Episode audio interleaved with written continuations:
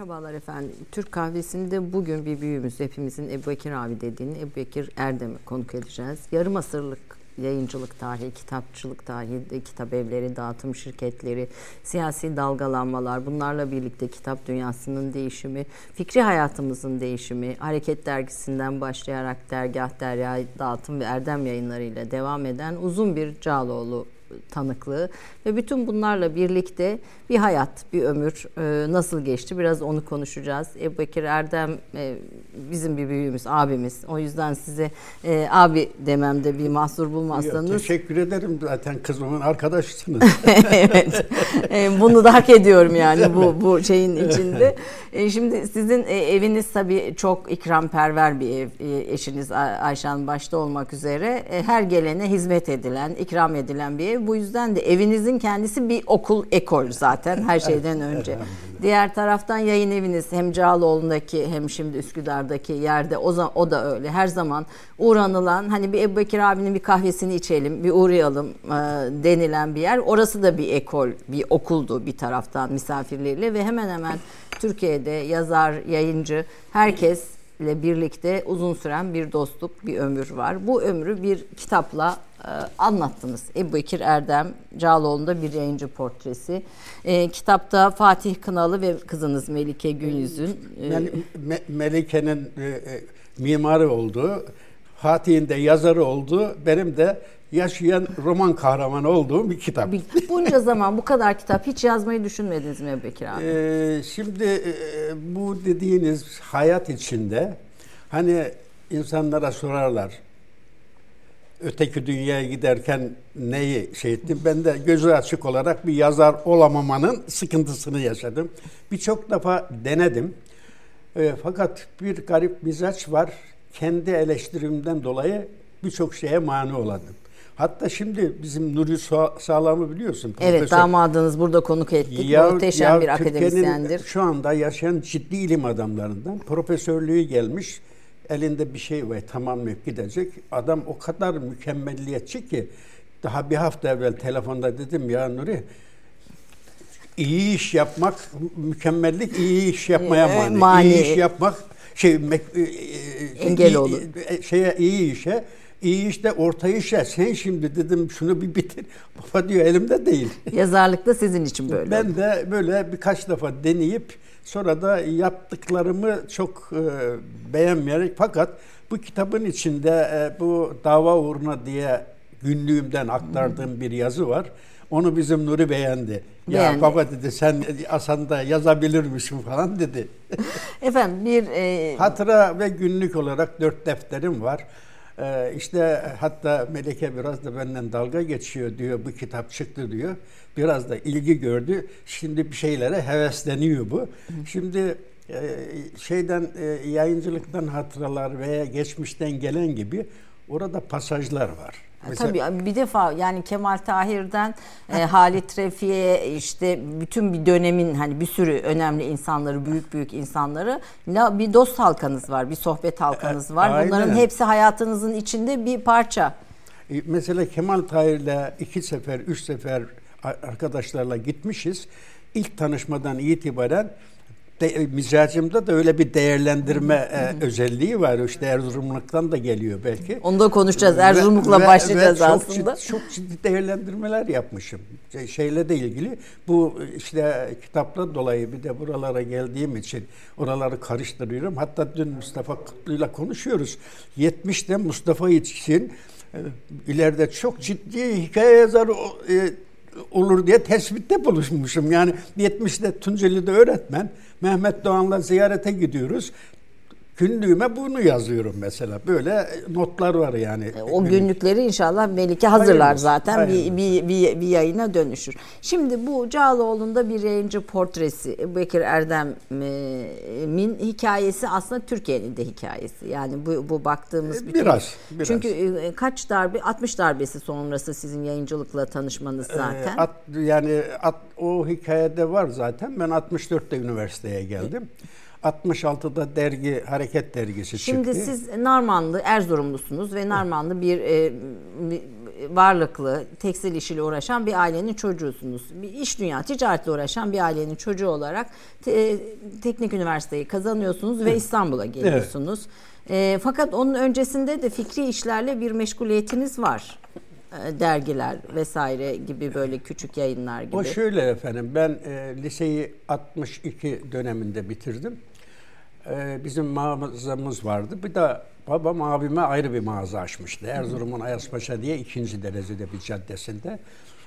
Ben mezun olacakken abim askere gitmesi gerekti. Yani 60 ihtilalinde lise mezunlarına yedek subay öğretmenlik diye bir şans tanıdı.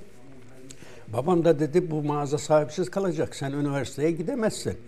Yani ben de lisede iyi talebeydim. Pek iyi talebe değildim. Yani e, işte lise bitirme bizim zamanlarımızda çok önemliydi. Mesela dostum 60 yıllık kadim arkadaşım Selam Oğuz 13 dersten 10 almıştı. Ben de ben, benim de 9 tane 5 tane 9'um vardı yani bu ölçüde.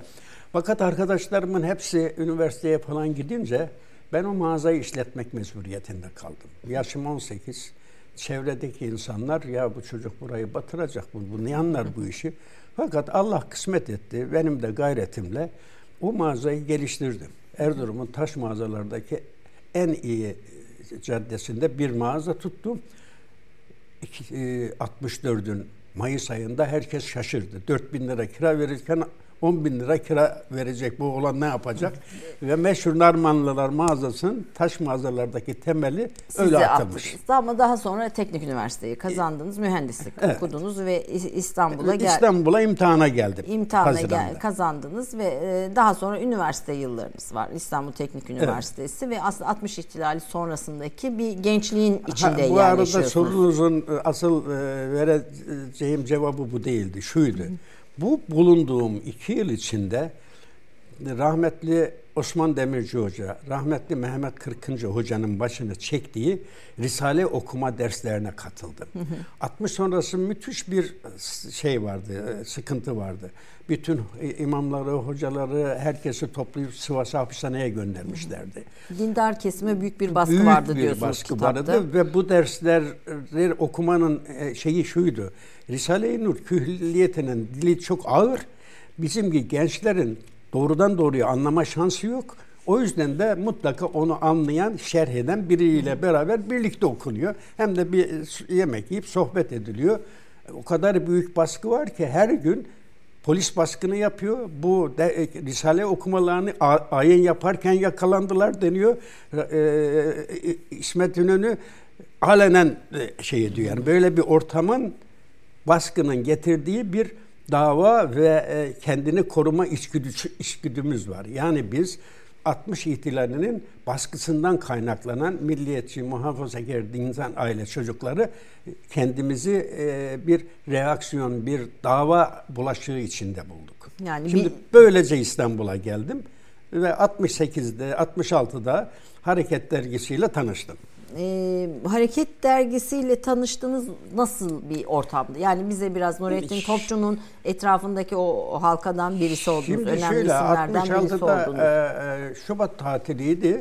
Bahsettiğim Selam Oğuz'un abisi İlham abiye e, Abidin abi Emin Işık'ın e, küçük kardeşi makine fakültesinde okuyor. Hareket dergisi sınıf arkadaşı diye Erzurum talebe yürüne postalıyor. O olmayınca dergiyi ben alıyorum. Şimdi insan hayatında öyle kaderler var ki bu benim hayatımın çok önemli kaderi bu. Efendim o dergiyi okuyorum, beğeniyorum. Sonra 5-6 sayı Bayden satın alıyorum, okuyorum. Ee, o arada e, Dernek Anadolu Fikir Derneği diye bir tüzük yazılıyor. İşte Erze, Ezeler Verdi ismini ilk defa orada görüyorum. Dergi idarehanesine gidiyorum. O zaman da Sultanahmet'in girişinde şimdi turist e, eşyaları satılan şey eski bir harabe bine onun bir odasında bulamıyorum. Yılmıyorum bir daha gidiyorum. Gidiş o gidiş. İşte bugüne kadar hareket mensubiyet. Şimdi e, 148 Taksim 5 Babali Caddesi Hareket Dergisi'nin yönetim yeri. Burası nasıl bir yer? Şu seninle benim mekan olduğumuz şöyle küçük bir oda düşünün. Hiçbir şey yok. Küçük bir tahta masa, duvarında hasır ve hasır taburelerin olduğu bir yer. Cumartesi günleri rahmetli Nurettin Toçu hocamız oraya gelir ve biz o gün oraya gelen insanlarla sohbet eder ve benim tanışıklığım ve Nurettin Bey'i önce yazılarından sonra e, e, şahsen tanımam bu şekilde Şimdi, başlıyor. Şimdi e, hareket idealinin tahakkuku e, hareket idealinin e, tahakkukunda e, tahakkuku idealinde birleşmek diye bir şey söylüyorsunuz. E, aslında hareket bir diğer taraftan da yine kitapta hareket isminin de aksine e, Nurettin Topçu bizim çok aksiyoner olmamızı da istemezdi. Bir fikri ve sanat e şimdi düzeyinde tabii, kalmasını isterdi. Şimdi, biraz aslında biraz onu e, Nurettin dinlemek Bey, isterim. Tabii dışarıdan insanlar e, yakın münasebet olanlar bilmez. Nurettin Bey Nurettin Topçu aslında nasıl e, hareket dergisinde nasıl bir gençlik, nasıl bir fikri cereyan oluşturuyordu? Bir defa böyle kişiliğinden bahsedeyim. Ben şöyle bir cümlem vardır kitapta. Nurettin Bey'in fikirlerine katılırım. Çok da takdir ederim. Ama beni asıl cezbeden Nurettin Bey'in kişiliği ve şahsiyetidir. Yani zaten ayrıştığımız noktalarda vardı diyorsunuz fikri olarak. Yani mutlaka insan yüzde yüz, yüzde doksan sekizde bir, bir şey yani mutlaka zihnimizde soru doğuran şeyler vardır, olabilir. Yani olması da normaldir. O da eğer insanın kendi kişiliği bakımından yani öyle bir mübarek adam ki paltosunu hiç tutamamışızdır. Bayramların ikinci günü Ferrih Bozbeyler, Orhan Okaylar dahil önemli nesiller geçmiş Nurettin Bey'in rahile tersinden. Annesi Şatır sokaktaki evin üst katından 10-15 güne göre çay yapar. Bayramın ikinci günü saat 10'da gideriz. Rahmetli Nurettin Hoca gider o çayı alır. Birimize izin vermez ki biz ikram edelim. Böyle bir özel bir şahsiyet. Fikirleri ve yani düşüncelerini yaşayan rint meşrep hatta bir arkadaşın ifadeyle derviş mizaç biri. Bir e, Nurettin Bey'in fikirlerini e, din adına, milliyetçilik veya düşünce adına beğenmeyenler zaman zaman bir takım yakaştırmalar yapmıştır ve bunların hepsi yanlıştır. En temel yanlışlardan biri de rahmetli Abdülaziz Efendi'ye intisabının bir inançsızlıktan kaynaklandığını hem de profesör titrili insanlar bunu söylüyor. Halbuki İsmail Kara şu anda Nurettin Bey'in en yetkin uzmanı konumunda. Allah İsmail'den razı olsun. Anormal çalışkan bir genç arkadaşımız. Ee, İsyan Ahlakı kitabı sormuş, e, sor, Paris'te geçen hayatı şeyle e, Halacı Mansur uzmanına Türkçe ders vermesinden itibaren e, o e, tezinde zaten Halaç, Mevlana ve Yunus Emre okumalarının yaptığının işaretleri var. Yani oradan inançmış değil, tam tersi. Abdülaziz Efendi'yi kabul et, e, gitme isteği de neden? Sınır Sırrı Bey var, onun çocukluk arkadaşı. Yarı e, Sırrı diyor e, batıda Hristiyanlar, burada imanlar, e, imamlar bir türlü doğru düzgün iş yapmıyorlar. Beni bir, bir gerçek mümin Müslümandan tanıştırsana. Bu ihtiyaca binaen Şimdi burada şöyle bir e, o dinleyicilerimize de bilgi verelim. Nurettin Topçu İstanbul'da 1909'da İstanbul'da doğuyor. Lise tahsilini İstanbul'da erkekte yapıyor. Evet. Sonra Avrupa'da öğrenim görmek amacıyla girdiği sınavı 28'de, kazanıyor. 28'de evet. E, Fransa'ya gidiyor. E, aksiyon hareketi felsefesinin kurucusu Blondel'i tanıyor. Ee, ve e, Maxim Rodinson işte Hallac'ın ona da e, Adıvar'dan sonra Adıvarlar Türkçe Adnan ders Adıvar'la, veriyor. Onlardan sonra da, da ders, e, Nurettin Bey Türkçe dersi Yani veriyor. önemli Fransız e, o dönemin felsefecileriyle e, yakın mesaisi oluyor ve e, onların talebesi oluyor hatta bu dönemin içinde e, ve e, ahlak felsefesi üzerine çalışan ve o dönemin içinde de tek bu konuyu çalışan yurt dışına giden öğrenciler için de isim. E, yeri gelmişken o meşhur anekdotu da anlatalım. Bunu Kenan Evren de e, Recep Tayyip Erdoğan Bey de bir konuşmasında ifade etti. Nedir o? Nurettin Bey Sorbon'da felsefe e, okuyan, felsefe doktoru yapan ilk Türk öğrenci ve Sorbon'da birinci oluyor. Birinci olduğu için de oranın yöneticileri e, mutlaka bir ikramda bulunuyorlar. Nedir o? Ya bir altın saat diyorlar yahut da Kuzey Avrupa veya Amerika seyahati. Nurettin Bey diyor ki ben bunu söyleyince şu anda yine e, sesim çatallaşabilir. Heyecanlanırım.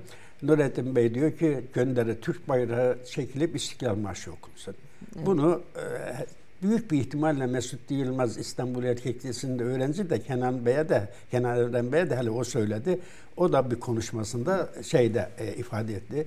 Ve orada kendisine sağlanacak büyük imkanlara rağmen Türkiye'ye dönüyor. Çünkü zaten tezini 34. E, Sorbon'da bu, bu başarıyla felsefede doktorasını verdikten sonra orada kalması isteniyor. İsteniyor. Fakat Kitap kabul, olarak da basılıyor. Basılıyor Paris'te. Sorbon'da Fransızca e, Tabii, basılıyor. Fransızca. 34 yazında Türkiye'ye dönüyor. Galatasaray Lisesi'nde felsefe öğretmenliği evet. yapıyor. Aslında e, doktorasını almış olmasına rağmen de hiçbir fakültede e, üniversitede yer almasına izin de verilmiyor biraz. biraz. 60 ihtilalinden söz ettik ve dindarları baskıdan bahsettik.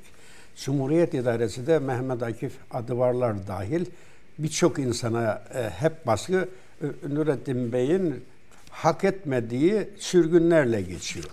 O kadar ki Nurettin Bey şeyin Hüseyin Avni Ulaş onun e, hayran olduğu e, aksiyonerlerden biri ve onun üvey kızıyla evleniyor. Evlendiğin günü e, İstanbul Erkek Lisesi e, şeyi müdürü altı tane öğrenci veriyor. Bunları e, lise bitirme imtihanlarında yardımcı oluyor. Nurettin Bey de diyor ki tabii diyor hakları ise neden olmasın. Bu öğrencilerin dördü kalıyor. Evlendiğinin hemen ertesinde sürülüyor. Yani bu Sürgülü, imtiyazlı öğrencileri geçirmediği, geçirmediği için ve sürülüyor. Ve ikinci sürgünü de o e, Taşla'da da şeyde var.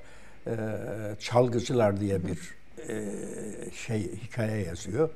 Oradaki kahramanlar Cumhuriyet idaresini şey ediyor diyerekten ve oradaki yönetici bu tehlikeli bir adamdır diyerek ikinci Denizli'ye sürüyor. Denizli'ye evet. Ve, Tüm hayatı sürgünlerle yani, ge, ge, e, geçiyor. Öyle. 75 yılında da vefat ediyor. Ama evet. Hareket Dergisi 1939 yılında çıkmaya Tabii. başlayıp Tabii. onun vefatından sonra da e, sizlerin çabasıyla bir müddet daha devam eden evet. bir dergi. Şimdi e, Yok onu düzelteyim vefatından evvel kendi isyadıyla kapattık. Kapat orayı konuşacağım evet. ama sonra bir, bir bir şey daha bir nüsa daha devam ha, ediyor. Evet, o Sonraki dönem. evet. evet, bir nüsa daha devam ediyor. Orayı o kapatılmasını da soracağım.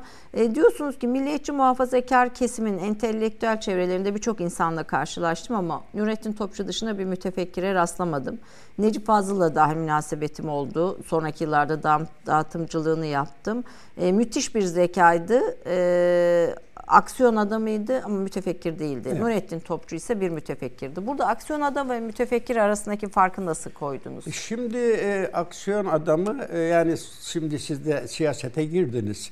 Siyasetçi Ayşe Bühürlerle e, televizyoncu Ayşe Bühürler'in bir farkını şöyle tabii, tabii. tefekkür edersek siyasetçi e, e, e, Ayşe Böğürler muhakkak ki... Ama burada Necip Fazıl ve Nurettin hayır, Topçu hayır, hayır, yani şey sorunuzu açmak için söylüyorum.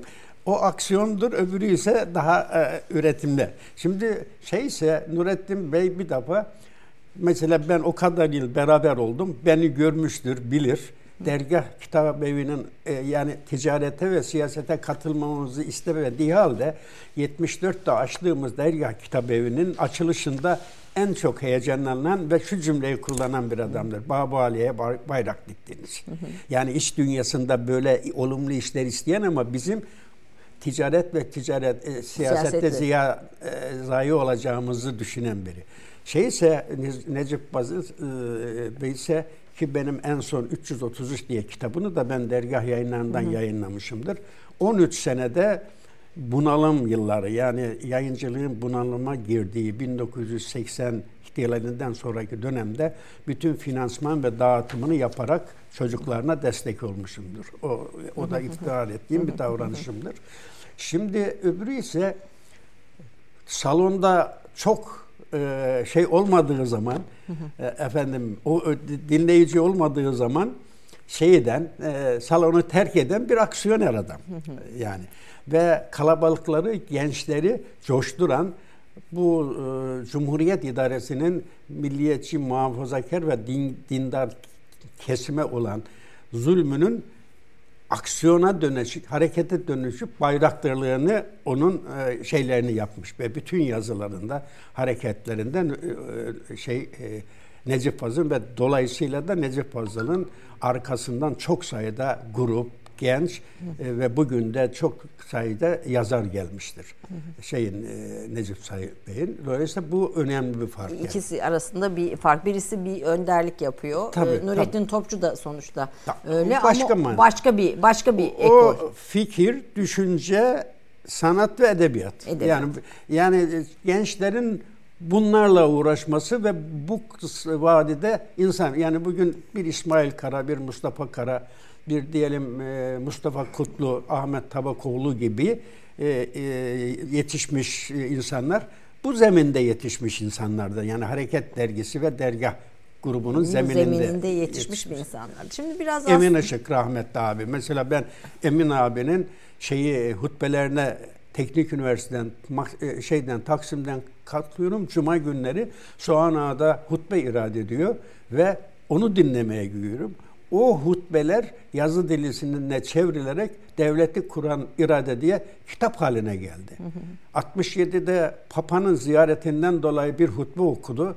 Kendi ağladı, biz ağladık ve bunu Anadolu'da on binler basıp dağıttılar. Hı. Yani e, bu tür şeylere e, Nurettin Bey e, e, talep eden, bekleyen bir e, daha daha temel fikri tabii, meseleler tabii, üzerinde tabii. kafa yoran ve yoğunlaşan birisiydi.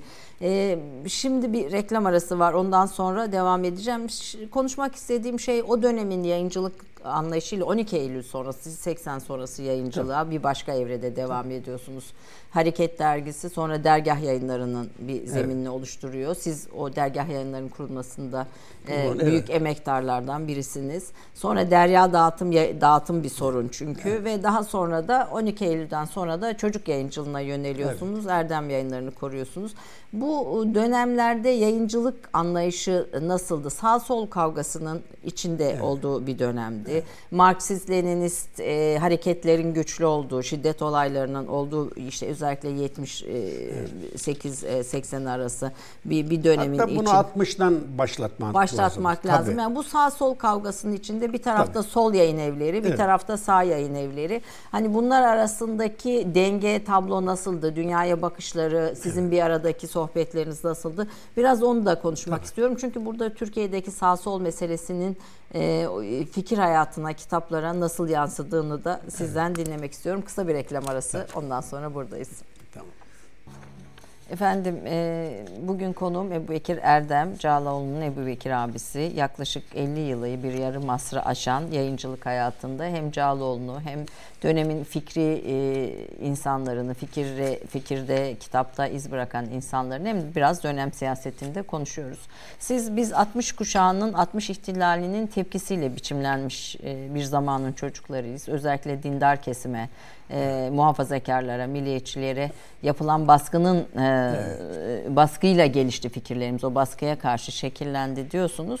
Ve o dönem Türkiye'de Soğuk Savaş'ın da etkisiyle sağ sol meselesi daha da keskinleşiyor. Daha da iyice bir ayrım noktasına geliyor. E, bu sağ yayın evleri ve sol yayın evleri şeklinde bir daha doğrusu sağ yayın evi yok neredeyse. Yok. Yani öyle 60, öyle bir şey. 60 ihtilalinden sonra 62 e, Anayasası ve o günün idaresi e, gençliğin sol fikirlere sahip olup sol e, tarafta birikmesi ve gelişmesi konuda büyük imkanlar sağladı ve o dönemde hakikaten çok ciddi yayınlar da yapıldı. Mesela ben üniversiteye gittiğim yıllarda bizim şeyde Nur e, yurdun altında yemekhanemiz vardı. Ve büyük bir yemekhane. Onun önüne iki büyük masa konulurdu. O masaların üzerine şöyle yüksek kitaplar yığılardı. Bunların içinde Doğan Avcıoğlu'nun Türkiye'nin düzeni. Efendim İsmail Kemal bilmem Geriliş Kalın, Niyazi Berkez'in kitabı, e, İdris Küçük Ömer'in ve Ayrıca e, o zaman sol yayınlarının yayınladığı Marksist Leninist kitaplar ve bunların hepsi satılırdı. Hı hı. Ve aktif bir sol düşünce, sol yayıncılık vardı. Ya aslında bir türde pompalanıyor yani e, tabii, o soğuk tabii, savaş. Tabii Yani bunların sonradan öğreniyoruz ki birçoğu da çeşitli yerlerden e, destekleniyor ama desteklenmesi bile yayıncılığı yapmış biri olarak görüyorum ki o satışta zaten onlar da ayakta durur. Hı hı. İşte o yıllarda Neşvünü bulan, yay, e, Neşvünü bulan yayınlarlar, işte Bilgi Yayın Evi, Cem, Cem Yayın Evi, e, efendim e, D yayınları bunlar hep o tip şeyler değişik e, şeyde. Fakat bizim mesela benim ilk defa milliyetçi muhafazakar dini yayınlar hariç yani Kur'an e, şey Ve gibi dini kitaplar hariç. onlar hariç yani onlar çünkü ihtiyaç kitabı sayıyorum onları. İşte e, namaz hocasıydı, evet. dua kitabıydı. Bunların dışında fikir kitabı olarak e, rahmetli e, Yeni Asya'nın kurucusu Mustafa Polat, Erzurum'da Hürses gazetesi sahibi Ahmet Polat'ın oğluydu. İşte Risale derslerinden de kendisi abimizdi. Onlar bir kitap evi açtılar şeyin yanında. Küçük bir oda. E, Hürsüz'ün yanında. İnanır mısın? Sayısı 50'yi bulmaz. Hatırımda, hafızamda kaldık. İşte Nurettin Bey'in şeyi yeni çıkmıştı ya, Yağmur Yayın Evi'nden. Yarınki Türkiye kitabı. Yağmur Yayın Evi vardı. Cağaloğlu Yayın Evi vardı. Efendim e, daha birçok yayın evi e, yeni İrfan yeni koymuş kurulmuştu. E, daha çok e, e, ilahiyat ders kitapları, şey hı hı. E, İmam Hatip ders kitapları bak, basardı. İşte Ac, Acıdan Sayılgan'ın hatırımda kaldığına göre inkar fırtınası vardı. Yani hiç böyle bir e, Bedir yayın evi vardı. vardı o yani yani sayısı ancak ama ondan sonra bu 65'ten 70'e doğru ilerledikçe artık e, Türkiye'de e, dini yayın yapan yayın evlerinin sayısı da devamlı arttı. Mesela Ötüken bugün Türkiye'nin en ciddi yayın evlerinden biri 64'te kuruldu. Bizim hareket yayınları Hareket Dergisi'nden sonra 68-69'da yayına başladı. E, işte o zaman Yağmur yayın vardı. Allah rahmet etsin İsmail Bey'e. Bu arada ders kitapları, yardımcı kitap basan yayınlar vardı. E, Şamil Yayın Evi vardı. E, şeyin bizim meşhur şey şimdi bak az sonra işte hafızanın hafızanın yok, azizliği. Yok hafızanız gayet iyi ya hatırladınız. Peki ya o dönemin yani 80'e kadar olan dönemde e, fikri anlamda e, yayıncılık yapan sağ kesimde bir yayın evi de çok fazla yoktu. Fazla Küçük. yoktu ama e, 68 kuşağı denen işte o sol yayınların, sol e, beslenmenin getirdiği ilk talebe hareketleri başlamıştı. E, peki bu kadar sağ sol keskin ayrım içinde miydi? Yani e, olduk, ke- ya aranızda hiç diyalog yok mu? Oldukça. Şimdi mesela ben burada biraz e, kendimden bahsedeyim. Ben mizacım barışık bir mizacım vardı. Ee, olurdu ama genel itibariyle yoktu. Zaten e, ülkücü hareket başladı arkasından. Arkasından Akıncılar hareketi başladı. Sol fraksiyonun çok sayıda talebe hareketleri vardı. Bunlar e, üniversitedeki hareketler hep sol tandanslı ve onların yönettiği hareketlerdi. Ve 68 kuşağı denen yerde mesela 67'de bizim e, teknik üniversite işgal edildi. Ben bir sene kaybettim o dönemde. Ve ben de 67 e, sonra 68 e, yanılmıyorsam 69 da olabilir ama sola karşı bütün sağ diye de ilk aksiyonumu, hareketimi yaptım. Yani e, Teknik Üniversite İnşaat Fakültesi Talebe Birliği onların elinde kapalı ve sola, sola karşı bütün sağ diyerek bir grup kurdum ve bu, bu grup 205 şey hiç unutmuyorum 136 ayla dernek seçimini kaybettik. Kadir gecesinde yapılmasına rağmen bizim sağ olsun Molla arkadaşlarımız camiye gittiler ve e, üstelik de sola karşı bütün sağ içine CHP'li gençler de vardı ama hemen bizi terk etti öbür tarafa geçtiler. Ya bu da benim hayatımdaki ilk böyle eylem. E, ilk eylem ve harekettir yani. Ama siz e, daha sonra 24 hayatınızın 24 ve 37 yaşlar arası uzunca bir evet. dönem hareket hareketinin e, ve o çevrenin tabii, içindeydiniz. Tabii. E, ve e, bu şiddet olayları başlayınca da bu gençlik olarak zaten e, Nurettin Topçu'nun da yaklaşımı bu şiddet ve bu sokak hareketlerinden uzak durdunuz. Tamamen. Tamamen. Hiç hiçbir şeyin içinde. Ee, bir, bir seferinde sadece e, şeyde onu da şimdi yine e, hafızam yardım etmiyor. Türkiye e, Talebe Federasyonu'nun bir başkanı vardı. Samsunlu bir çocuk. Kitapta vardır ama şimdi hatırlayamıyorum.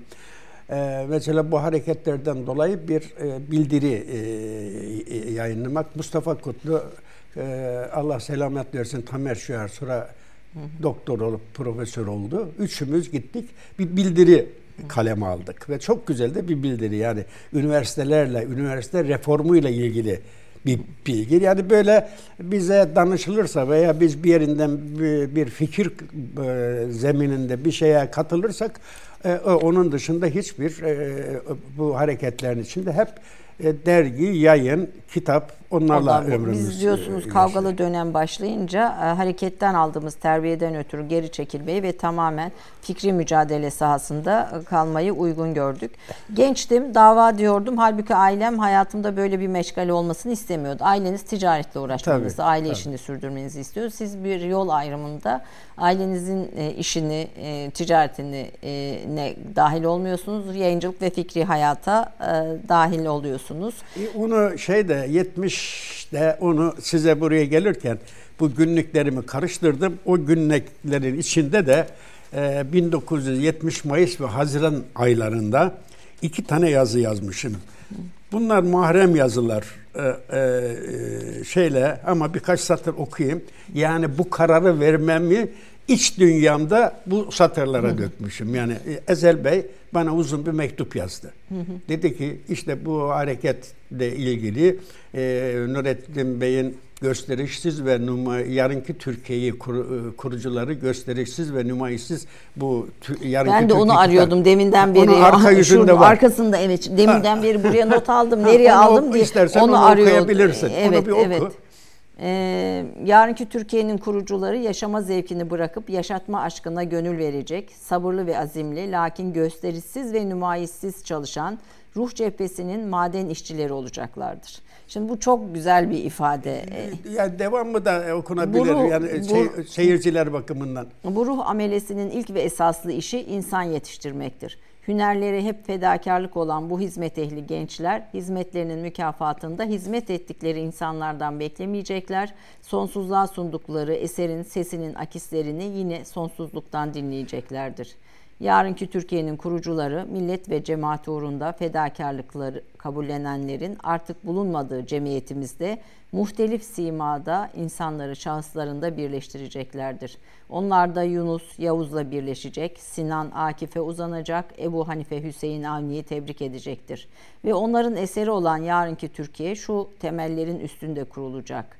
Anadolu'nun toprağından Son cümle çok önemli, evet. Anadolu'nun toprağından kaynayan bir kan, cemaat için harcanan emek, bin yıllık bir tarih, otoriteli bir devlet ve ebedi olduğuna inanmış bir ruh. Şimdi Nurettin Bey'in sonsuzluk kavramı genelde Allah'ın sonsuz kudretini ifade eder.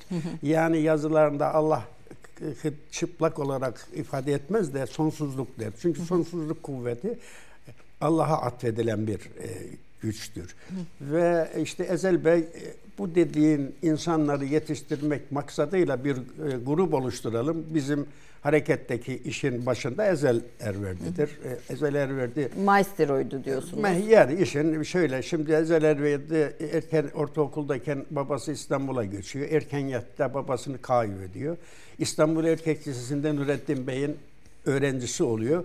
Hatta e, başkalarının yakıştırması, ben de bu yakıştırmaya katılırım. Bir bakıma Nurettin Bey onun için bir baba, bir hemşeri e, kıymetinde biridir. Ve Nurettin Bey'in bu kadar çok eser verip e, bu yazılarının kitaplaşmasında Ezel Bey'in çok özel ve şey gayreti vardır. Hı hı. Yani bu bunu şey etme. Yani bugün Nurettin Bey'in kitapları var ve okunuyorsa daha sonra İsmail Kara da bir ilim adamı olarak Nurettin Bey'in bütün yazılarını derleyerek hakikaten bugün bir külliyat haline geldi. Ama bunun başında Ezel Bey vardır. Şimdi dolayısıyla o duygularla üniversiteyi bitiriyorum. Erzurum'a döneceğim. Ee, ve benim de harekette e, ki işte deminden beri konuştuğumuz duygular içindeyim. Ee, nasıl cevap vereceğim? İşte o duygularımı 12.5.70'te yazmışım. İlk olta lise derken üniversite bitmek üzere. Zaman hızla akıp geçiyor. Hayatın yeni bir bölümü başlıyor. Karışık bir haleti ruhu içindeyim. Gelecek için karar vermem gerekiyor. Kararsızlık içindeyim. Neye, ne için karar vermeliyim? Ancak objektif bir şekilde ne için neye karar vereceğimi de bilmiyorum. Yani bir gençin bunalımı bu. Evet. Şimdi konuşurken duygulanıyorum. Evet, sonuçta da bir aileniz var ama Evet. Evlilik büyük mesuliyet yüklüyor. Ayşe Melike üzerimde hakları var. Onların sorumluluğu benim üzerimde.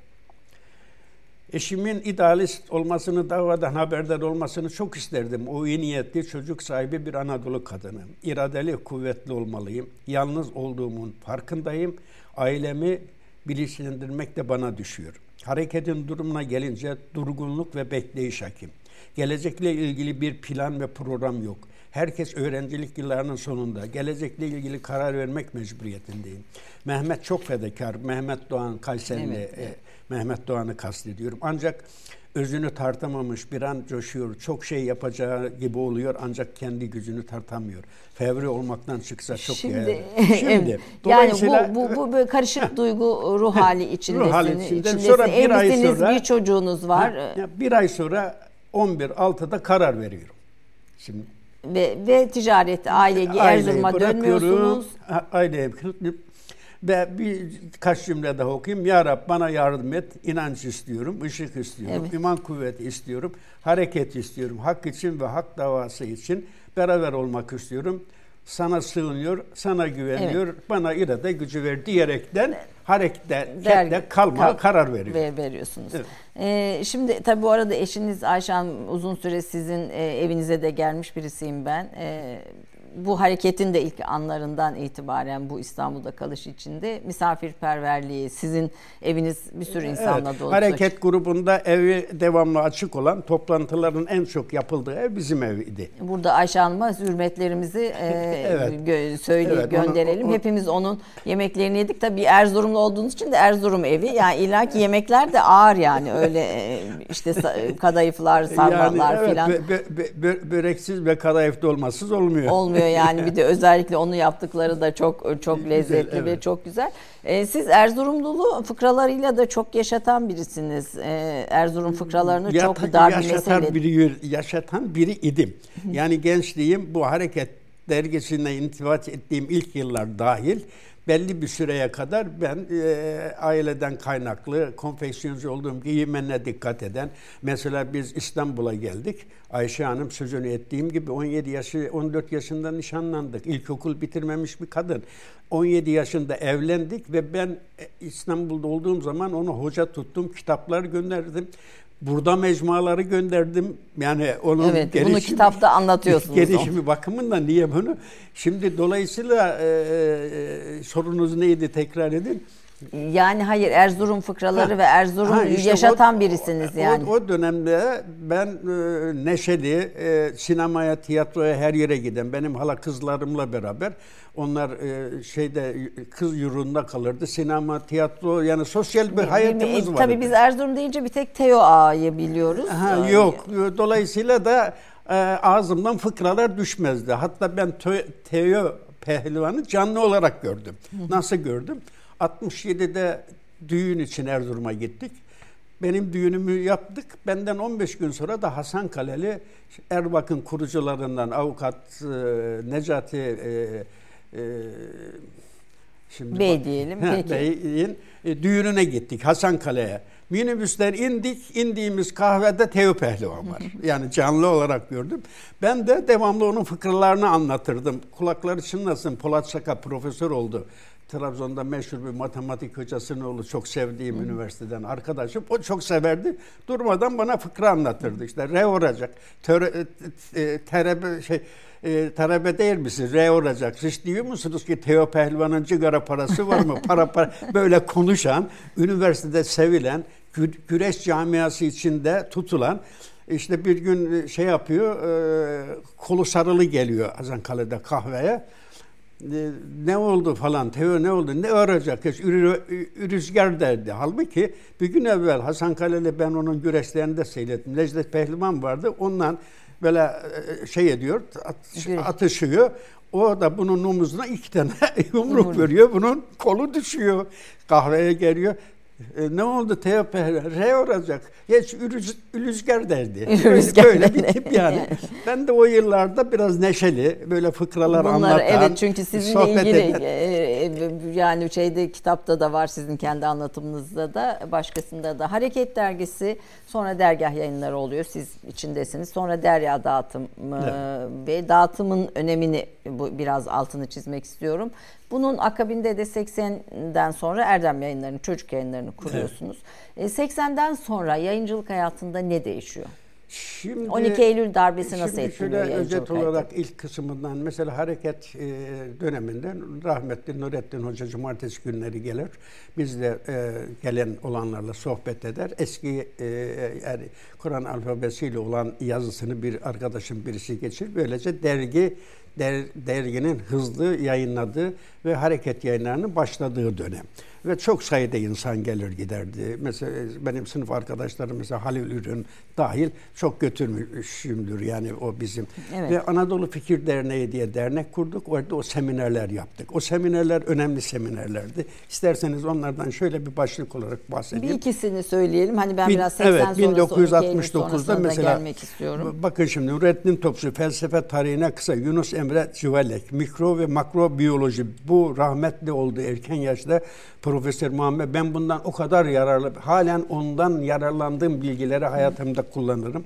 Osmanlı iktisat nizamını kuantanterize yani çok önemli. Herkesin kavga ettiği günlerde bakın şu iki sayfa dolu seminerler yaptık. Öyle geldik.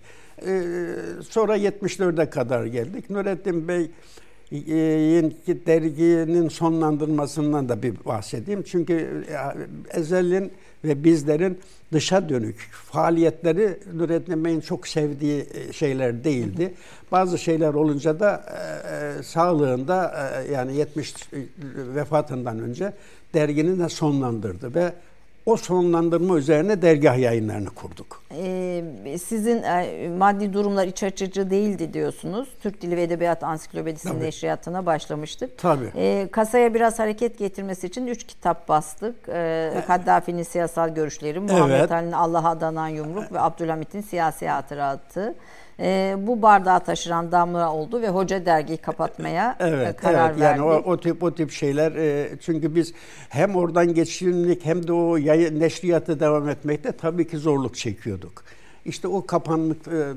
Daha sonra o sözünü ettiğiniz son bir sayı da e, Nurettin Bey'in vefatı üzerine e, maalesef e, Necip Fazıl Bey'in e, Nurettin Bey ile ilgili doğru olmayan bir e, şeyi oldu. Yani kendi çağdaş mütefe e, ne diyelim dönemin insanları arasında da mütefekkirler arasında bir rekabet ve bir Aynen bir, bir, biz ona cevaben yazdık ve elimizdeki biraz da Recep Fazıl Bey'in aleyhine olabilecek şeyler de kullanmadık. Yani o konuda da çünkü bizim Necip Fazıl Bey'e de hürmetimiz sonsuz. Yani onun yeri ayrı, Nurettin Bey'in yeri ayrı. O son bir sayıda öyle çıktı ve öylece Hareket Dergisi şey dönem kapanmış oldu yani. Ee, 24-37 ee, yaş arası hareket dergisi içindeydim diyorsunuz. Sonra yayın yelpazesini biraz daha genişletiyorsunuz.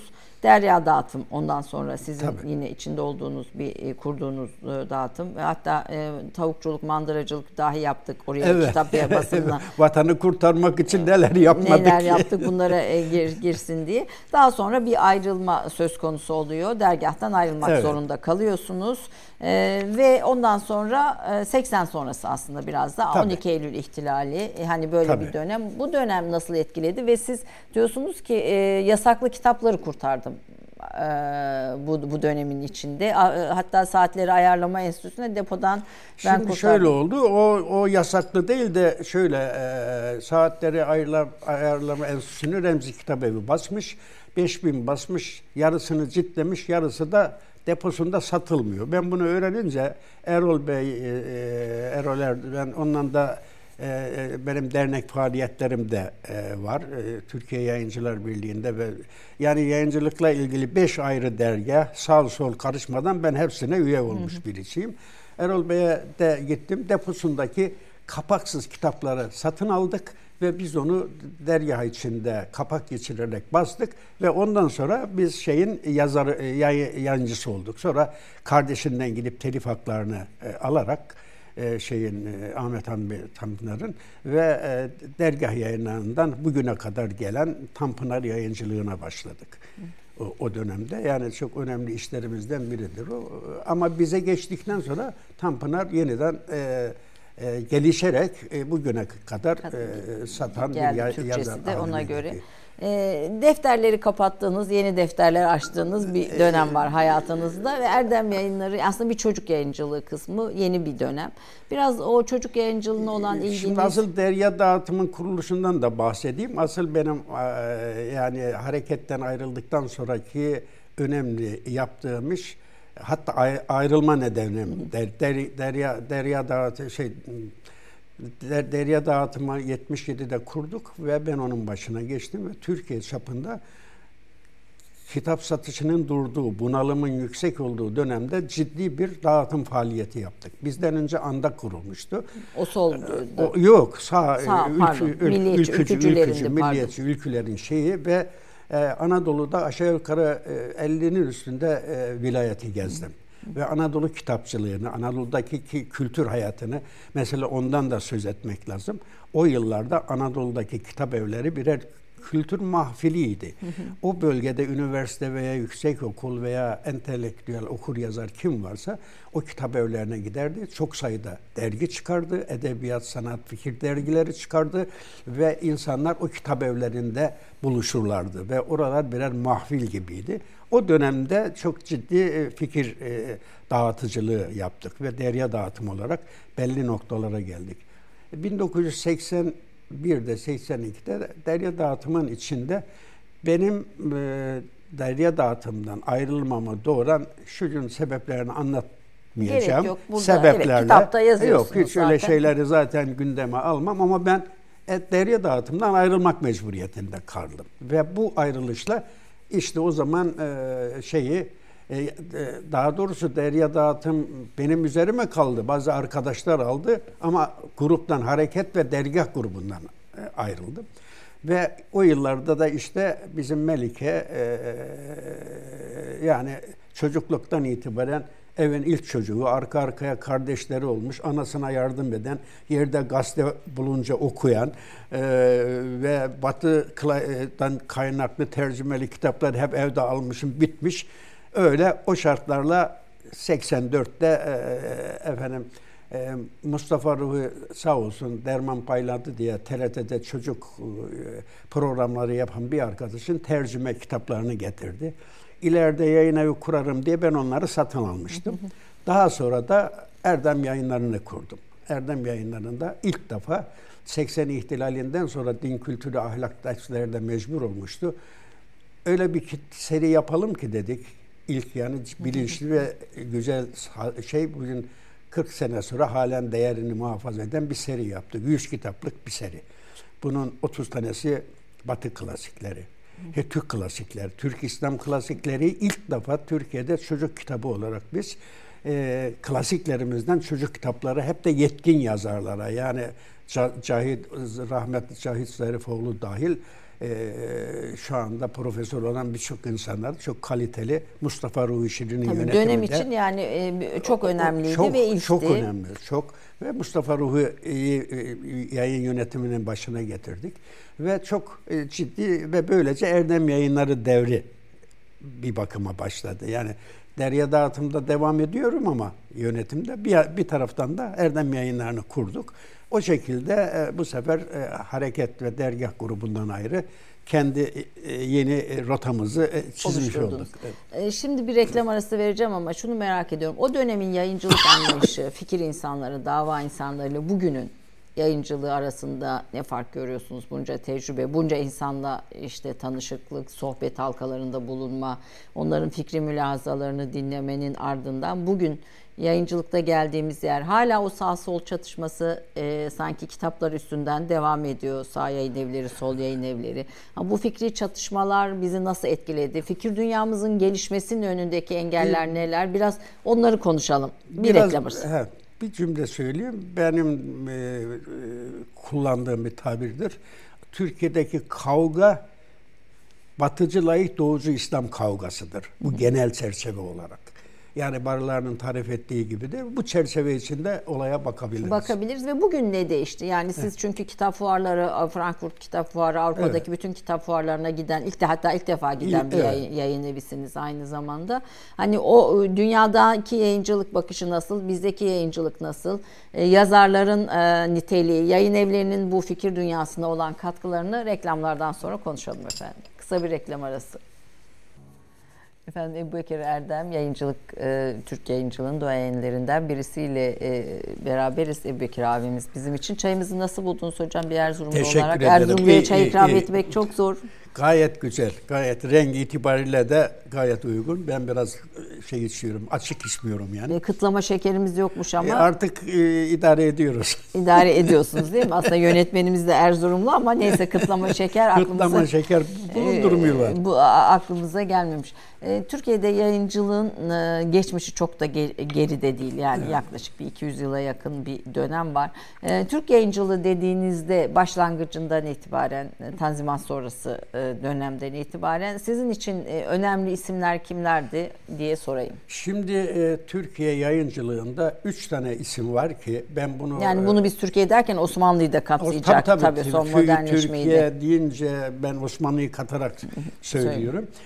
Şimdi Bilgi Üniversitesi'nde bir sempozyum için bir e, bana görev düşmüştü. Türkiye yayıncılığın tarihiyle ilgili. O yani hatta o şey olsaydı ondan çok daha malumat vardı. Şimdi üç tane önemli isim var. Bu önemli isim e, Türk yayıncılığının isterseniz binanın kolonları deyin, isterseniz onlar olması bunlar kimler? Şimdi birincisi Ahmet İhsan Tokgöz.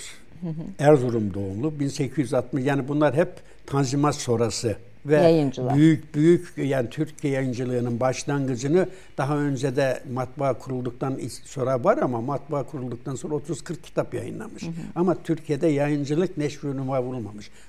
Bu dönem hı önemli. Yıl kaç bunlardı hocam? 68 1968 Erzurum doğumlu 1868. Evet, 1800. Servet-i Fünun'un kuruyor. Hı hı. 54 yılda 2464 sayı yayınlanıyor. Hı hı. Ve meşrutiyette fecraatı, cumhuriyette yedi meşaleciler oluyor. Tevfik Fikret'ten Oktay Aks e, a, a, e, söylesene soy ismini. E, Cumhuriyet yazarı hepsi burada yetişiyor ve bu Bunların önemi şu. Diğer iki ismi de söyleyeyim sonra ifade edeyim. Ebu Ziya Tevfik ikincisi. 1849-1913 bu Türkiye'de geçmişe ait o güzel bütün e, tesipli, renkli şeyleri icat eden, basan bir adam. Üçüncüsü Ahmet Mithat Efendi. Türkiye tarihinde ilk hikaye ve romanı bu kadarca bir ömüre nasıl bu kadar kitap bunlar bu üç sacaya ve bunlar e, Tevfik şeyden bu yana e, e, Cumhuriyet'e kadar e, bütün müellifler, yazarları zaten yayıncılığı düşününce matbaadan de özellikle dergiden bağımsız, bağımsız düşün. Özellikle de, dergiler e, yazar e, yetişen tarlalar gibi. Yani hep oralarda ne? Hele şimdi yeri gelince söylerim. Varlık dergisi o kadar yıl içinde bildiğimiz bütün yazarlar neredeyse oradan çıkmış. Yani öyle. Şimdi ikincisi e, Ebu Ziya Tevfik.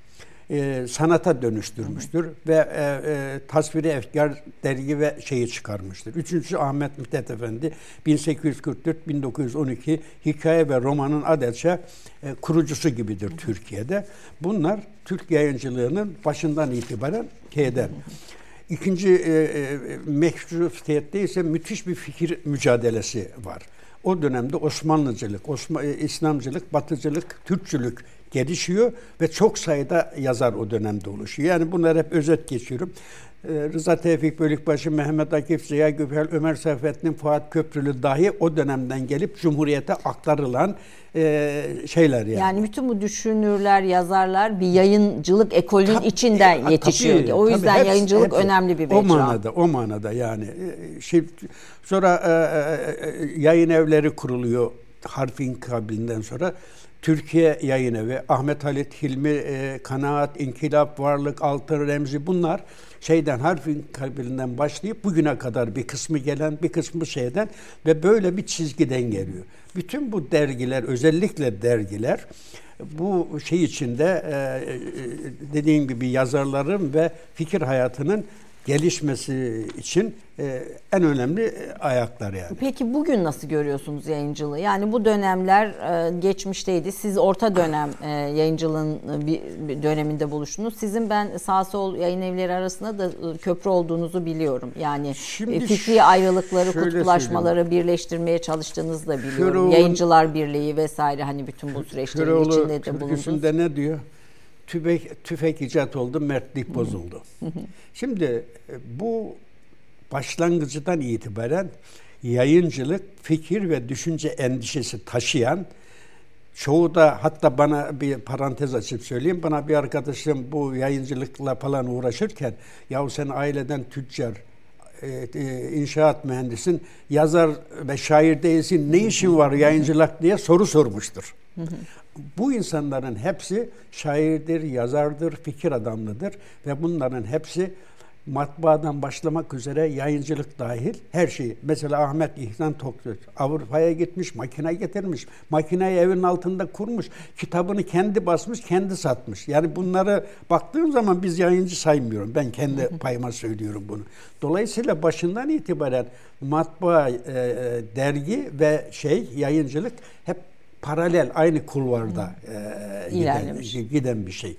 E şimdi e, bugünse e, şey demin söyledim Köroğlu'nun dediği gibi tüfek icat oldu, mertlik bozuldu. E, modern sermaye yayıncılığa karışınca yayıncılığın tek amacı ticaret ve para kazanmak oldu. Hatta başka bir şey. Bunu saygıyla karşılıyorum ama bir yayıncı olarak bundan hem üzülüyorum hem nedir bu? Şu anda en başarılı ve aktif yayın evleri sosyal sorumluluk olarak, yan iş olarak girmiş fakat daha sonra da para ve imkanlarından dolayı yayın piyasasını tekellerine geçiyorlar. Kimler bunlar? İnkılap şey, Şimdi iş isim vermeyelim diyelim peki. Ha, peki yani e, sermaye giriyor ve e, şimdi şey olarak yani şu manada bilmiyorum tabii sizin açınızdan Hı. ama e, şey olarak e, sosyal sorumluluk saygıdeğer bir şeydir ama imkanları olduğu için bu e, şeyin e, daha önce bu işi bir sevda olarak, aile mesleği olarak, bir ömür olarak e, e, bu işi yapan insanların tabi bu rekabet karşısında e, durumları şu anda hiç de iç açıcı Aslında değil. kapitalizmin bir kitap Kapital, aynen, yansımasının aynen, Nasıl bir... market mahalle bakkalını öldürdüyse evet. maalesef bu işe sevda koymuş ömrünü ailesini bunlardan biri de biziz. Yani biz siz ailemizi yakının tanıyorsunuz. Evet, evet. Çoluk çocuğumuz buradayız. Ama ben şimdi e, isim vermeden söyleyeyim falan kurumun e, imkanlarıyla rekabet şansına sahip olamıyorum ki.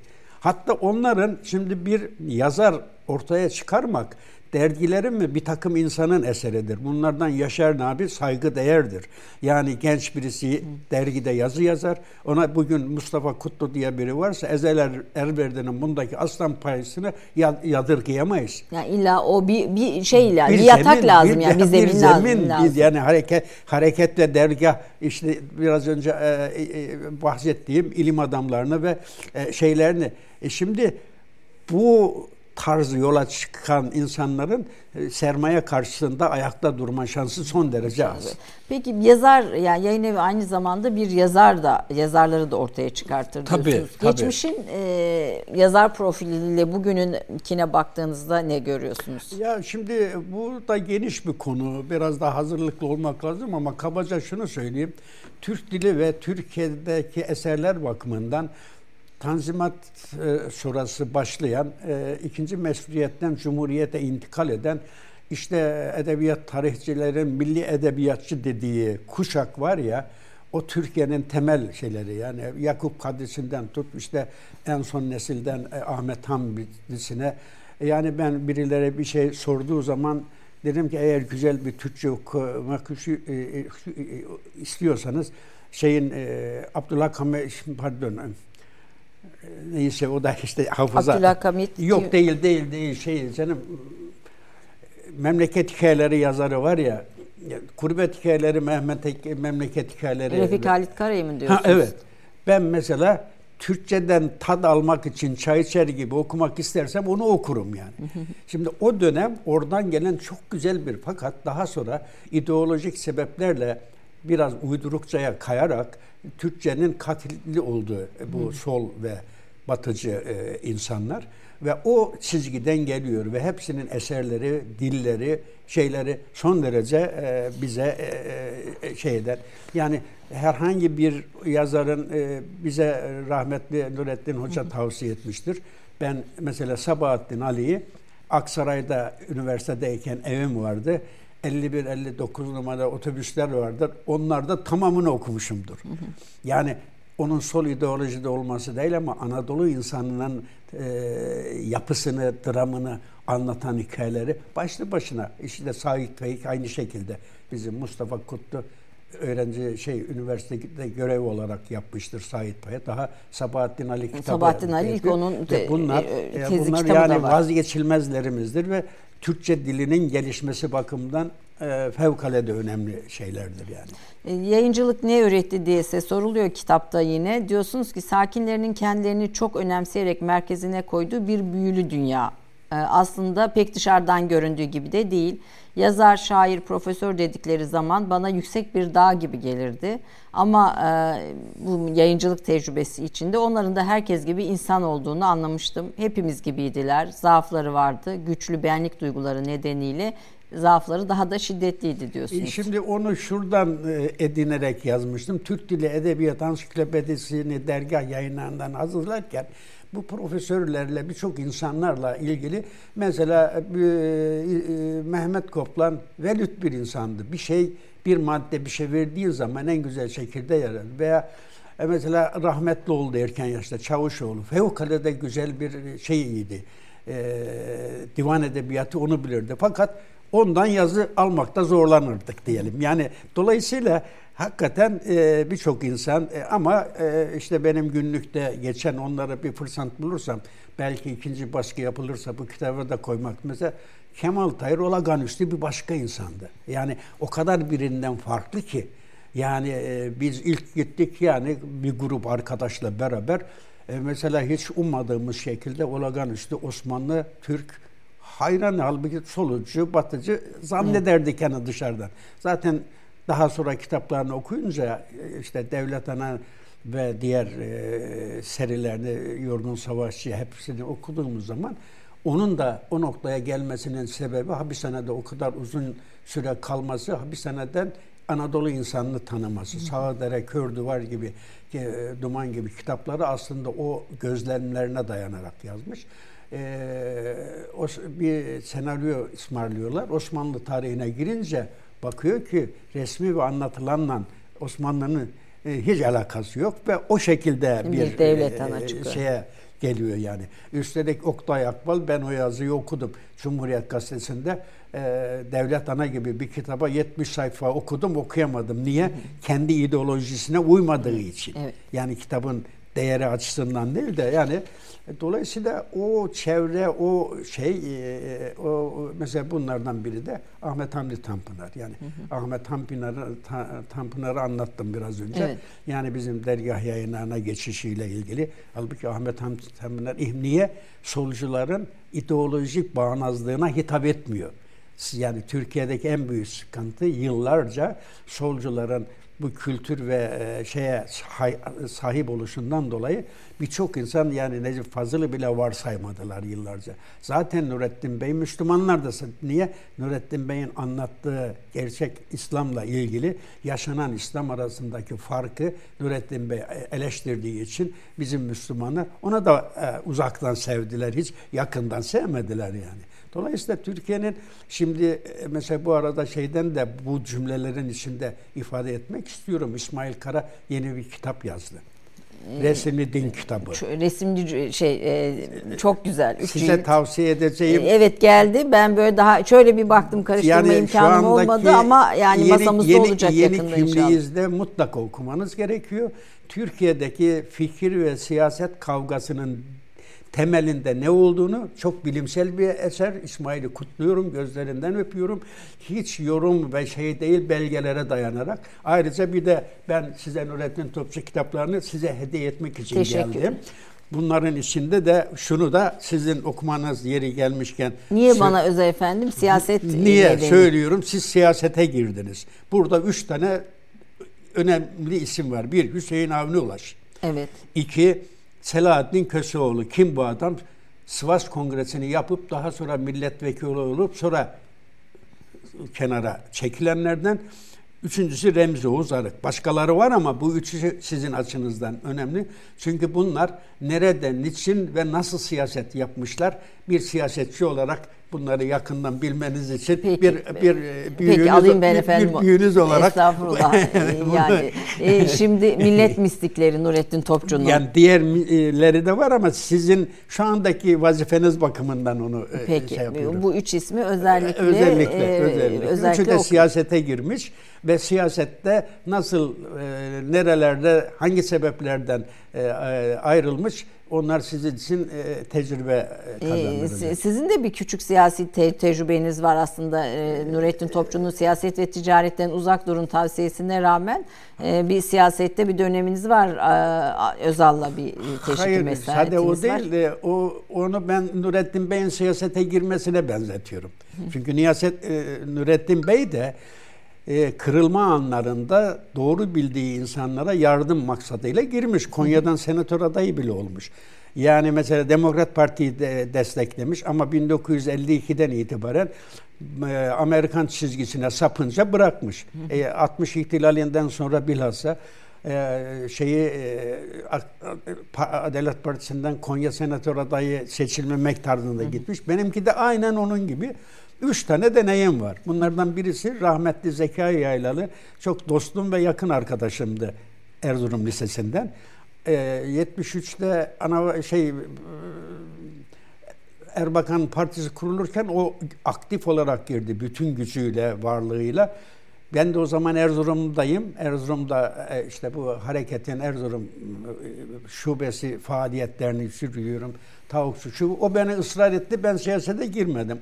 Ben de onu e, uyarmama siyasetten geri kalmadı. O dönemde 74'te e, avukat Fahrettin Gülseven diye çok sevdiğimiz bir abimiz vardı. E, Milli Selamet Partisi iktidar olduktan sonra belediye seçimleri yapıldı. Gittim onun e, siyasi propagandasını üstlendim. Yani kırılma anlarında Nurettin Topçu Aynen, ekolünün aynen, yine şey aynen. gibi kırılma anlarında önemli Aynen. onlarında doğru olana destek vermek Aynen de. e, Şimdi noktasında ikincisi bir de duruşumuz şeyde- var diyorsunuz. Sek- şeyden sonra ihtilalden sonra işte bu Anavatan Partisi kurulacak. Ee, Allah selamet versin Ömer Ziya Berveril'ini Özal'ın şeyde Sadıklar Apartmanı'nda özel kalemi gibi çalışıyordu. Benim de dostum. Bir cuma günü cumadan çıktı bizim Cağaloğlu'ndaki derya dağıtıma geldi. Başladı çok affedersiniz argo bir tabir. Bana fırça atmıyor. Ya siz dergahçılar var ya her şeyi eleştirirsiniz, her şeyi konuşursunuz. Bak dedi Ahmet Yazar parti kurmadı. Şu anda eski Adalet Parti'nin problemli insanları buraya geliyor. E, hep böylesiniz deyince Mayıs ayı bi- bizim de işimizin ölü ayı. Bak dedim ben Özal'ı tanımıyorum. Sen beni götür Özal'la tanıştır. Bir ay vaktim var ben yardımcı olurum. Sebebi de Tercüman Gazetesi'nde Erzurum'a talip olan insanlar Erzurum'a uygun görmediğim insanlardı. Gittik işte Sadıklar Apartmanı'nda Süreyya Terpak mesela eskiler hafızlar iyi hatırlıyorum. Evet, hatırlıyorsunuz. Ondan beraber 50 dakika konuştuk. Özel takdir etti. Dedi salı günü Ankara'ya gel. Gittim Ankara'ya. Veysel e, Bey diye e, e, Ulaştırma Bakanlığı'ndan yaptı erken vefat etti. Beş kişi işte tanıştırdı. Ebu Bekir Erzurum ve Ebu, Ebu Bekir'e dedi beş vilayet yetkisi verin. Yok dedim efendim ben siyasete girmeyeceğim. Sadece Erzurum'la ilgili size yardımcı olabilirim.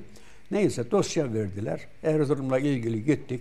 Rahmetli Zekai'nin yazıhanesinde hakikaten 10 günde Ramazan 3 saat uyuyorum. İşte kılık kıyafette yerinde çanta elimde ve 10 günde kurduk geldik. Böylece Yani, ve ikinci deneyimiz bu oldu. Siyasi bir şey. Üçüncüsü de e, Aydın Bey. O, o çok önemli. Aydın Bey'in konuşmalarını takip ediyorum.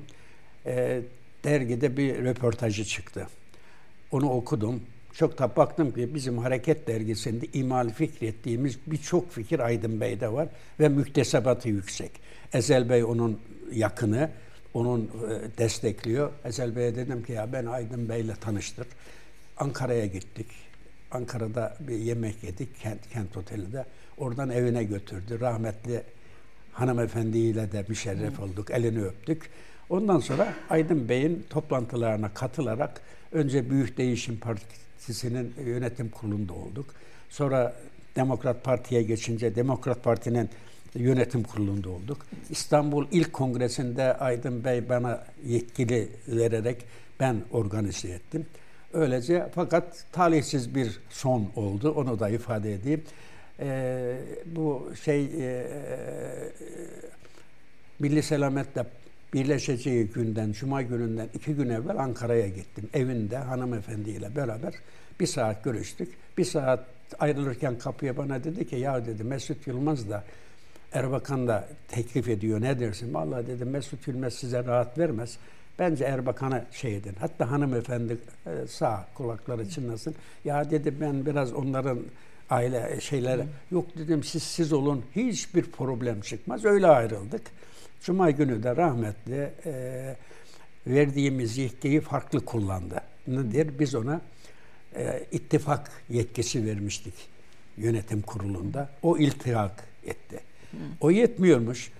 Tam aday tespiti sırasında gece saat iki buçukta bizzat kendi aradı. Benden başka kimseyi kendisi aramamış. Dedi ki ben e, senin aday olmanı istiyorum. Dedim efendim ben siyaset düşünmüyorum ama siz emrederseniz size de hayır diyemem. Yarın dedi şeyi e, dosyanı hazırla gel. Hanımına da söyleme dedi bak böyle. Hazırladık gittik ama maalesef siyasetin işte değişik cilveleri, dolgu maddesi gibi 18. bilmem sıraya koydu resmi gazeteye ilan edilmeden istifa ettim. O gün bugün de Ankara'ya gitmiyorum. Gitmiyorsun. Siyasette bir önce veda etmiş evet. oldunuz. Efendim e, programımızın sonuna geldik. E, bu süreçte hani şunu söylemeliyim diyeceğiniz bir şey var mı? 70'inden sonra bahçıvanlık kursuna gidiyorsunuz. E, hatta kitabın sonunda da buna dair bir sizin şey var. Bahçıvanlığınıza dair bir Bekir konu. Soysal mı? Bekir Soysal evet yazmış e, mükrim olma vasfını muhakkak ki toprakla ünsiyetinden almıştır. Toprakla münasebeti hoş bir oyalanmadan öte bir şeydir. Belki de hayatındaki en ciddi münasebet bir avguş telakkisi, bir aşk haliydi diyor sizin bahçıvanlık hikayenize. Ee, 70'inden sonra bahçıvanlık kursuna Hayır, gidiyorsunuz. Ve... Şimdi iki e, tane hasretim vardı. Birisi ilk gençlikten itibaren Erzurum'da bizim evimiz bir palatikdeyken un fabrikası yanında bahçeli bir evdi. Abim gider gezerdi, tozardı, top oynardı. Ben babamla orada Erzurum gibi zor yerde babama yardım ederdim ama ağırlık iş bendeydi. Bahçe işine bulaşmışımdır. Evet. Şimdi 70'inden sonra tekrar bunu canlandırdınız. Evet. Sonra da üç kovan arı baktım. Geldik İstanbul'da Sultanahmet'te bir evde çok bir yerde oraya bile ağaç. Yani hep bu hasret devam etti. Erenköy'de Hakkı Kamil Bey e, yazar aynı zamanda ev kafum. Onun evinde kiracıyız. Orada da bahçe şeyi yaptık. E, o, öyle o hasret aynı şekilde devam etti. Kayış Dağı'nda bir yerim oldu. Bir küçük baraka gibi bir şey yaptık. Orada kimleri ağırlamadım ki böyle e, Tuncer abi e, geldi Tuncer oraya mesela. Evet. Onu da orada ağırladım. Yani hatta çok kızmıştı bana yakında değil de uzakta diye tuvalete götürmüştüm camiye. Yani öyle çok e, orada çok tatlı hatır. Hatta kitapta bir fotoğraf vardır. Ezel Beylerle bizim oturarak o Kayış Dağı'nda çekilmiş. Yani bir tür sizin bahçe mekan aslında. Sohbetin, fikrin aynen, geliştiği aynen. bir Mustafa mekan. Kutlu ile mesela onu koymadık. Orada e, pimpon masası kurmuşuz. Karşılıklı futbol oynuyoruz. evet. Hayatımda hiç zengin olmadım. Yalnızca 2006'dan önce 5 sene kadar peşin para kağıt yani alabildim, ya baskı evet. alabildim diyorsunuz. E, bu da önemli bence notlarından birisi. 4 çocuk ya on... zengin olmayı hep hakikaten e, hayal etmedim. Yani bu Allah'ım bana kendi evet. açımdan bakınca bir lütfu sayıyorum. Dört çocuk 12 torun, e, bereketli bir ömür e, ve e, yüzlerce kitap ve bu kitapların baskısında e, Allah hatta razı binlerce. olsun benim kitaplarından çocuklarımın hepsinden çok memnunum ama tabii Melike'nin bir de ayrı ayrı e, bir tabii benim arkadaşım var. olduğu için de ayrı bir yeri var Melike'nin tabii. yani, yani şimdi o mesela benim o yaşlardaki aktif sosyal hayatım ve her şeyle uğraş, uğraşma halimde o şimdi o hemhal. Evet Melike Günyüz Erdem Türkiye'de çocuk yayıncılığının evet. E, en önemli isimlerinden birisi. Ben efendim e, fikir işçiliği aslında yayıncılık yani tabii, bir tabii, anlamda tabii. E, yazarlık çok önemli ama bunu bir ürüne dönüştüren yayıncılık, yayın evi faaliyeti, kitap evi bütün bunların hepsi bir fikir işçiliği. Evet. Siz hayatınızı fikir işçiliğine adamış birisiniz. E, Melike'nin bir... yazdığı Babalar ve Kızları kitabına bir e, yazı var. O yazının o yazı da bu kitabın içinde. Okudum efendim. Daha önce de okudum. Ne yazıyor da kültüre adanan bir ömür diyor. Ve ee, tüm ailede bunun içinde. Yani ben Bütün... mesela 13 sene dergahta kaldım. Ayrılmak mecburiyetinde kaldım ama bir cümle yazdım. Dedim ki öbür dünyaya bir e, bağışlanma beratı olarak bu 13 yılımı çünkü tamamen Allah rızası için dava için geçen bir dönemdir o. Ondan sonraki hayatım hayat mücadelesi tarzında geçti yani. Evet. Ee, bu anlamda aslında tüm hayatınıza davaya adanmış bir ömür diyebiliriz. Ama, ama Mustafa Kutlu'nun cümlesiyle bitirelim. Ee, Beyhude Ömrüm diye Mustafa Kutlu bir kitap yazdı. Sonuçta insan ömrü Allah'ın takdiri ve evreni, yaratışı ve insanlığı yaratışla baktığın zaman herkes kendi ömrünü çok önemsiyor ama baktığın zaman da son tahlilde de ömrüm bu, bu, dünyaya peygamber gelmiş gitmiş, Fatih Sultan Mehmet gelmiş gitmiş, mütefekkir ve düşünceler gelmiş gitmiş. Ben bizim hayatımıza baktığım zaman bizimki beyhude ömrüm. Hatta demin dedim ya yayıncılığın kurucusu üç adamı baktığım zaman da kendime yayıncı deyince bakıyorum ki çok hafif kalıyoruz yani. Böyle bir şey insan Efendim, ömrü. Hiç öyle demeyin. Çok önemli izler bırakmış. Bir defa bir yayıncısınız. Allah razı olsun. Ee, herkes bir taş koyuyor dünyaya. Ha, aynen. İyi, iyilik adına, güzellik adına, merhamet adına, insanlık adına, e, İslam adına. Sonuçta bütün bunlar içinde bir taş koyuyorsunuz. Siz de çok taş koymuş ya, birisiniz. Şimdi insanlık adına hoşsa da bırakmak. Dün Yunus'la beraber kitap fuarındayız. Orada birisi yine çocuklarla ilgili bir laf oldu. Dedim ki ben şundan şükrediyorum. Beş tane çocuğum var. Bir ebeveyn için, bir baba için en önemli şey ne biliyor musunuz dedim. Çocukların yüzünden yüzü kızarmaması hem de daha önce Melike'ye Bekir'in kızı derlerdi. Melike'nin babası denmesi var ya dedim. İşte bu bir, bir ebeveyn için, bir baba için en önemli şey aslında Efendim, bu yani. Hoşsada bırakmak. Hoşsada bırakmak. Çok güzel hoşsadalarda bıraktınız. Ee, evet. Çok çok teşekkür ediyorum. E, lütfettiniz, geldiniz Sağ olun. E, programa. Ben aslında... teşekkür ediyorum. Bu kadar bilim adamı, bu kadar araştırmacı, bu kadar önemli yazarların yanında beni davet ettiğiniz için Ayrıca teşekkür ediyorum. Efendim bu kitapları yayınlayanları da konuk edeceğiz. Böyle bir e, e, üç e, kişilik bir seri evet. var yayıncılarla ilgili.